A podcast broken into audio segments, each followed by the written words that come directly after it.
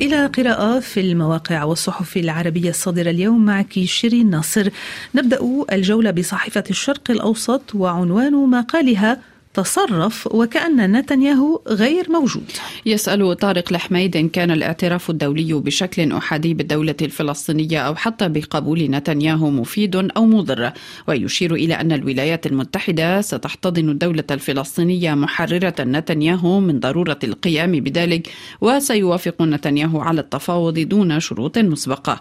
اليوم يقول إسماعيل هنية أن حماس لن تقبل بأي هدنة أو بوقف لإطلاق النار لا يشمل وقف وقفا كاملا للحرب وانسحابا إسرائيليا كاملا من غزة.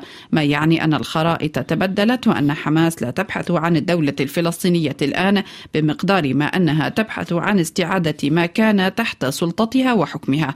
وعليه فأن نصيحة الحميد في الشرق الأوسط الآن للفلسطينيين أن يتصرفوا وكأن نتنياهو غير موجود لأن مسألة نهايته السياسية حتمية فحياته السياسية عمرها من عمر الحرب في غزة.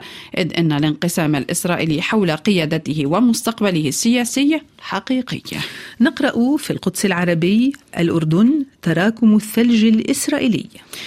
تتحدث الصحيفة أن الأردن له مصالح ولديه حسابات وثمة توازنات والعدالة والإنصاف يقتضيان القول بأن الموقف الرسمي الأردني في الممارسة والنظرية متقدم جدا في الملف الفلسطيني وأيضا في الملف الإسرائيلي والحكومة الأردنية في ظرف صعب إزاء تطورات الأحداث وتراكم الثلوج الإسرائيلية في الطرق الصغيرة هذه المرة وليس في المرتفعات فقط.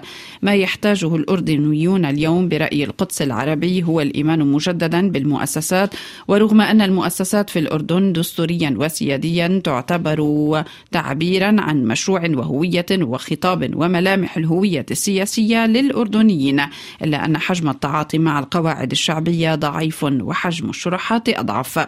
لا أحد يفترض أن يزايد على الموقف الرسمي للدولة الأردنية وفي المقابل لا أحد في الدولة ينبغي أن ينكر المخاطر الخاطر أو يزايد على حراك الناس في الشارع. وكل المطلوب هو الحوارات الوطنية التقاربية التي تشرح فيها رموز الدولة حساباتها وتوازناتها وحقائق الأمور بكل صراحة.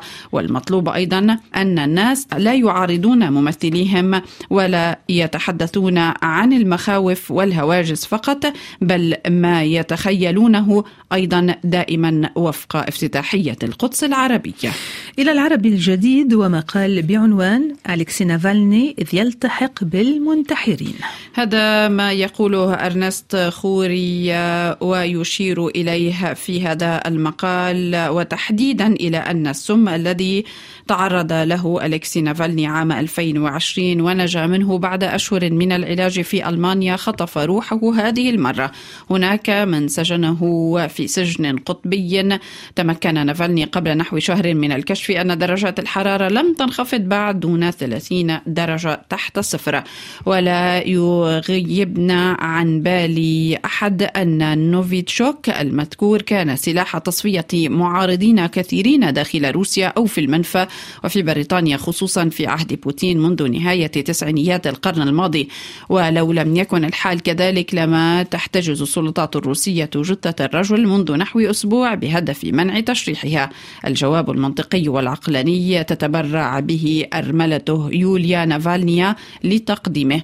والسلطات الروسية تنتظر اختفاء آثار غاز نوفيتشوك من جسده حسب ما تقول ولذلك يعرب محاموه أيضا عن ثقتهم بأن الجثة لن تسلم إليهم قبل مرور 14 يوما على الاغتيال ريثما يصبح أي تشريح للجثة بلا جدوى وبلا قدرة على تحديد سبب الوفاة. مقاربة اجتماعية لحل المشكلات المالية في تونس عنوان في العرب اللندنية. نقرأ لمختار أدبابي أن المصارف التونسية تبرز كبديل يمكن الاعتماد عليه في توفير قروض وتسهيلات للحكومة التونسية بدلا من ترك البلاد تحت رحمة صندوق النقد الدولي خاصة في ظل ارتياب الدولة من شروطه وخوفها من تأثيرات الارتهان للصندوق وإصلاحاته على الاستقرار الاجتماعي في البلاد. ليست سابقة أن تلجأ دولة إلى مصارفها المحلية لحل أزمة ديون ولكن الأهم في هذا أن تتعامل المصارف مع الدولة بشكل متكافئ كما أن تصارح الرئيس قيس سعيد والحكومة بمكامن قلقها من حصول الدولة على قروض من السوق المالية الداخلية. وهناك الكثير من الحديث عن مخاطر هذا الخيار من مثل أن الدولة ستستسهل الحصول على التمويلات وأنها ستنفقها لاعتبارات شعبوية وسياسية واجتماعية من دون تقدير العواقب. المفروض أن المصارف تحصل على ضمانات قوية من الدولة مثل ما تفرضها على الشركات وفي نفس الوقت من واجبها أن تتدخل في مجالات إنفاق تلك القروض لضمان استعادتها من ناحية وإحداث حراك اقتصادي يعود عليها بالمنفعة من ناحية أخرى. شيرين ناصر شكرا لك.